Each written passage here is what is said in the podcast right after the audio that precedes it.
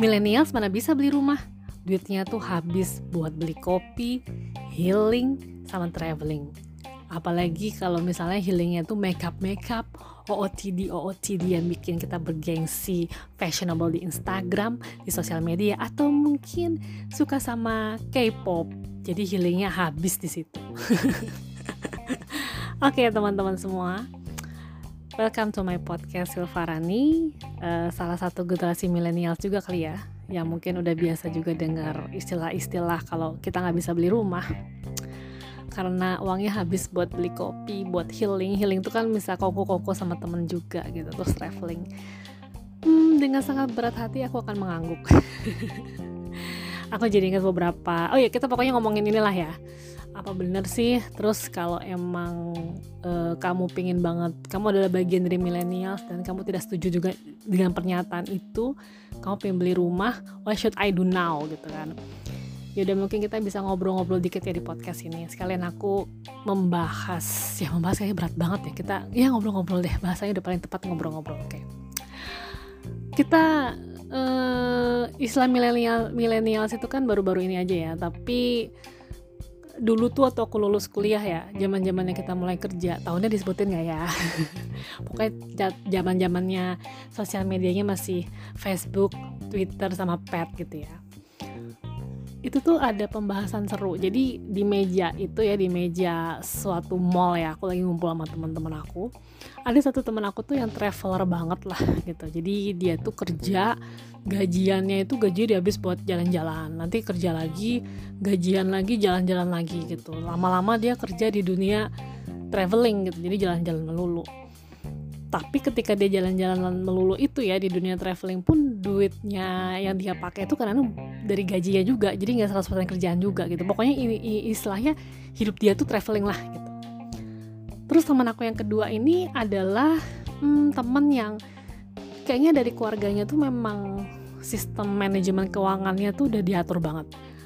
Dia bilang kalau kerja itu dia harus nabung dia harus pakai kebutuhan yang memang primer dan dia nabung untuk beli rumah.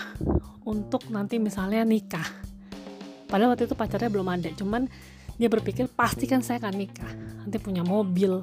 Eh nggak mobil dia uh, sekunder. Tapi dia mikirnya rumah. Terus pendidikan anak. Dia udah ngitungin sekolah anak segala macam apa gitulah. Terus dia bilang makanya dengan sistem keuangan yang kayak gini di masa depan gue nggak mungkin sekarang muda gini gue jalan-jalan gue traveling kata dia gitu temen aku yang traveling nyeletuk. Jangan sampai nanti kalau lo udah tua lo udah dapet duit banyak tapi anak lo udah banyak banyak yang udah lo urusin lo fisiknya udah gak kuat lo nggak bisa jalan-jalan lo nggak bisa traveling. Dia nyeletuknya kayak gitu. Akhirnya mereka berdua cekcok lah gitu ya bukan cekcok serius sih kayak eh tapi kalau lo udah punya rumah gini-gini nah, sebenarnya traveling gue nggak tahu gue akan tinggal di mana makanya gue nggak beli rumah dulu kata dia gitu. Yang penting gue tuh invest emas emas batangan. Jadi nanti kalau gue udah menemukan kota yang gue memang mau dan gue nggak mau jalan-jalan lagi gue akan tinggal di situ. Gue akan beli rumah di situ gitu gitu deh pokoknya. Nah aku adalah orang yang ada di tengah-tengah ini. Aku tipe yang jalan-jalan ayo tapi bukan yang kayak wajib hari ini gue harus traveling. Healing healing gitu. Enggak gitu. Tapi aku suka banget gitu ya. Traveling aku suka.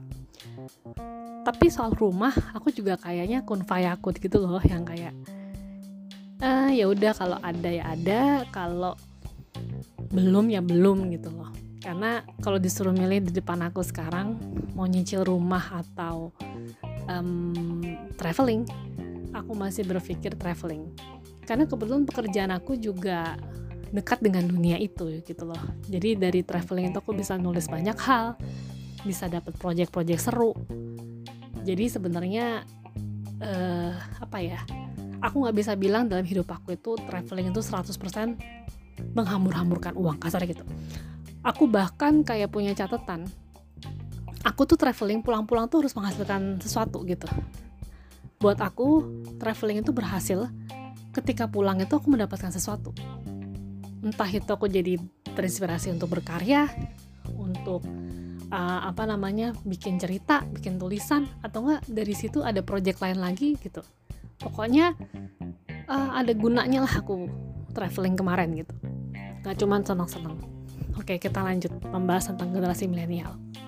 Aku cuma mau bilang sama teman-teman di luar sana jangan berkecil hati kalau misalnya mendengarkan pernyataan seperti itu pernyataan bahwa generasi milenial tidak bisa beli rumah karena uangnya habis untuk beli kopi, healing, sama traveling. Karena yakinlah, setiap generasi itu punya permasalahan. Sekitar 2 atau 3 tahun yang lalu ya, sebelum pandemi, aku pernah mewawancarai seorang nenek-nenek. Aku lagi bikin tulisan waktu itu. Nenek-nenek itu berarti kan generasi di atas kita jauh ya tapi dia cerita tentang masa muda dia. Dia cukup sedih karena menurut dia teman-temannya yang laki-laki khususnya ya, yang ikut berperang melawan penjajah, ingin memerdekakan bangsa Indonesia tanah air kita. Itu menurut dia gizinya itu berantakan. Bahkan makan nasi, apa sih nasi akik ya namanya ya? Makan nasi akik itu yang mungkin kan ketelan kutu ketelan cacing gitu kan mbak kata si nenek-nenek itu kan. Makanya saya udah nggak tahu deh mungkin umur panjang sampai 80 70 tapi kita nggak pernah tahu organnya udah sakit eh organnya udah uh, buruk kali ya karena gizi yang seperti itu deh gitu-gitu. Terus dia juga cerita bagaimana ketika sudah merdeka justru banyak teman-temannya dia tuh yang gabut kasarnya gitu loh. Karena waktu kemarin perang itu mereka ada kerjaan yaitu melawan penjajah. Tapi setelah udah merdeka mereka senang sih merdeka. Cuman jadi mencari pekerjaan. Terus banyak yang bosan karena yang biasanya di lapangan bertarung gitu sekarang harus di kantor. Tapi kalau mau bertarung mau bertarung sama siapa lagi gitu loh orang udah nggak ada jangan dilawan gitu kan. Ternyata hal kayak gitu aja tuh masalah di generasinya. Kita turun lagi ke angkatan uh, lebih bawah lagi dari nenek-nenek itu. Mungkin ibu bapakku ya yang masa mudanya itu di tahun 70-80 kalau ini kendalanya aku denger-denger sih ya dari cerita-ceritanya papa mamaku muda gitu ya. Um, karena Indonesia itu oh ini aku bahas generasinya di Indonesia ya. Karena um, orde baru kan tahun segitu ya. 70-80 itu kan orde baru ya dipimpin oleh Pak Harto dan itu Indonesia mengalami pembangunan yang melonjak tinggi secara ekonomi, industri kayak gitu. Ya namanya suatu kebaikan ada aja kekurangannya ya. Jadi papa mamaku tuh dulu cerita kejomplangan eh, ekonomi budaya gitu ya, kemajuan suatu bangsa gitulah antara orang tuanya sama mereka sebagai anak muda itu gapnya jauh banget. Jadi antara nenek kakek aku gitu sama papa mama aku itu tuh lumayan jauh. Kalian bayangin aja. Untuk generasi nenek kakek aku itu kan yang masa mudanya lagi dijajah sama penjajah gitu ya Belanda atau Jepang.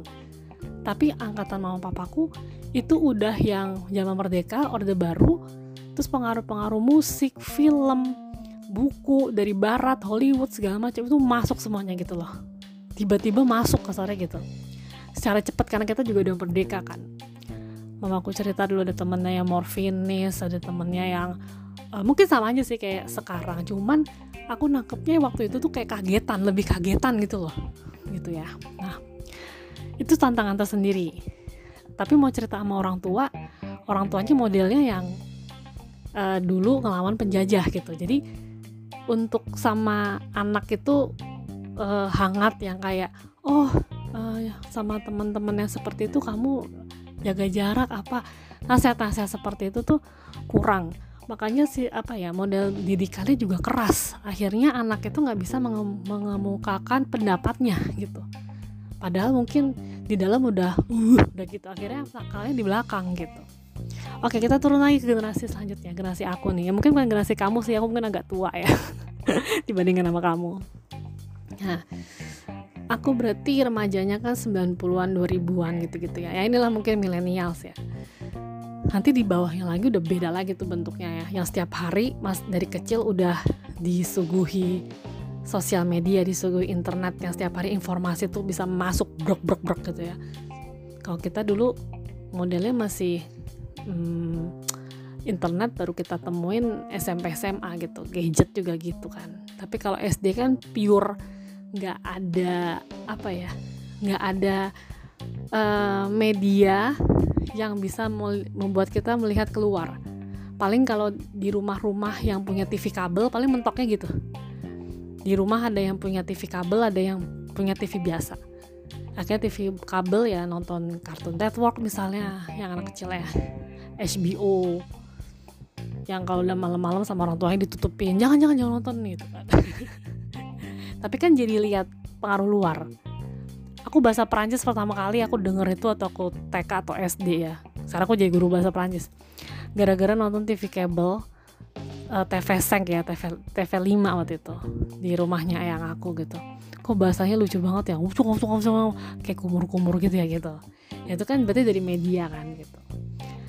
Nah tapi kan itu hanya sekali dua kali. Andai kata pada saat itu uh, sudah ada dunia YouTube, sudah ada dunia uh, sosial media, aku pasti kepo. Itu apaan sih kok ngomongnya kayak orang kumur-kumur gitu. Akhirnya aku nyari di YouTube. Oh, aku aku TK udah udah tahu tuh, oh tuh bahasa Prancis. Jangan aku belajar bahasa Prancis dari dari TK itu lagi bonjour gitu-gitu.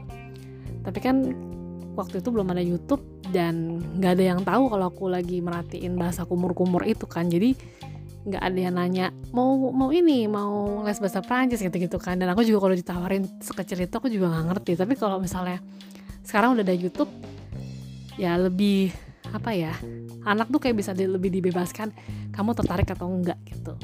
Tapi ya balik lagi persaingan generasi yang sekarang kayak di bawah aku ini jauh lebih ketat gitu. Karena mereka semua mengekspor diri itu udah mudah gitu.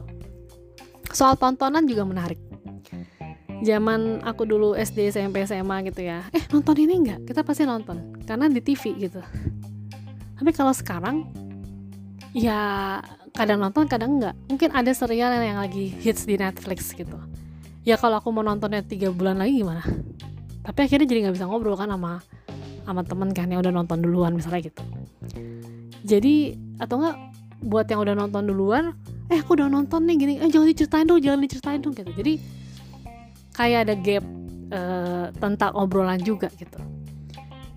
Nah jadi tadi jadi ngelantur ke mana-mana yang pengen ngomongin film Netflix gitu ya. Cuman maksudnya gini aku pengen bilang itu uh, kalau ada orang yang ngomong generasi millennials nggak bisa beli rumah dan uangnya habis buat healing, traveling, dan kopi, larikan lagi ke diri kamu.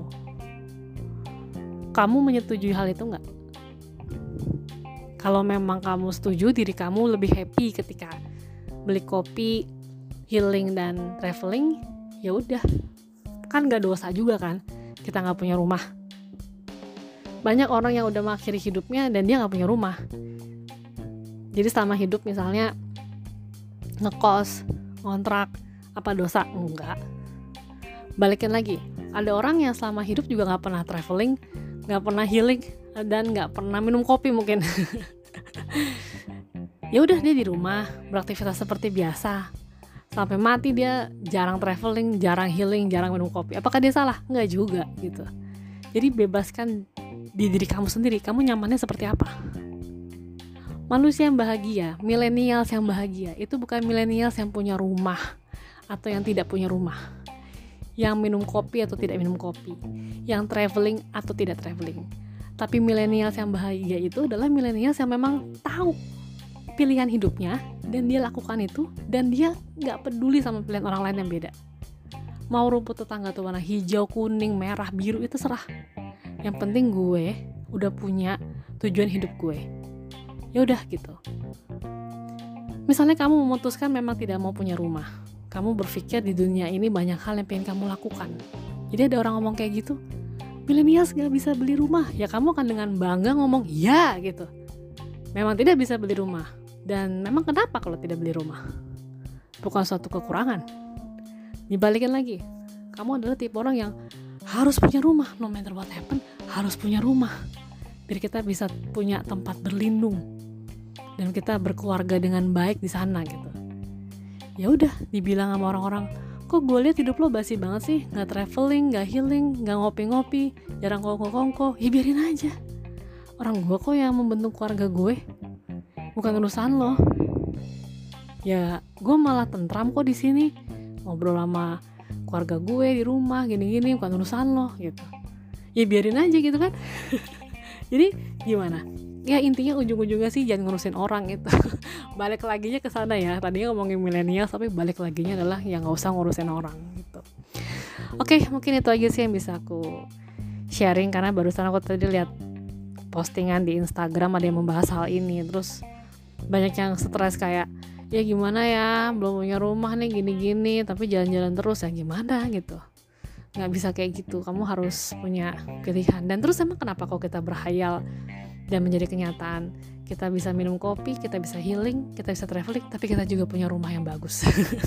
Oke aku Silvarani dan see you. Terima kasih sudah mendengarkannya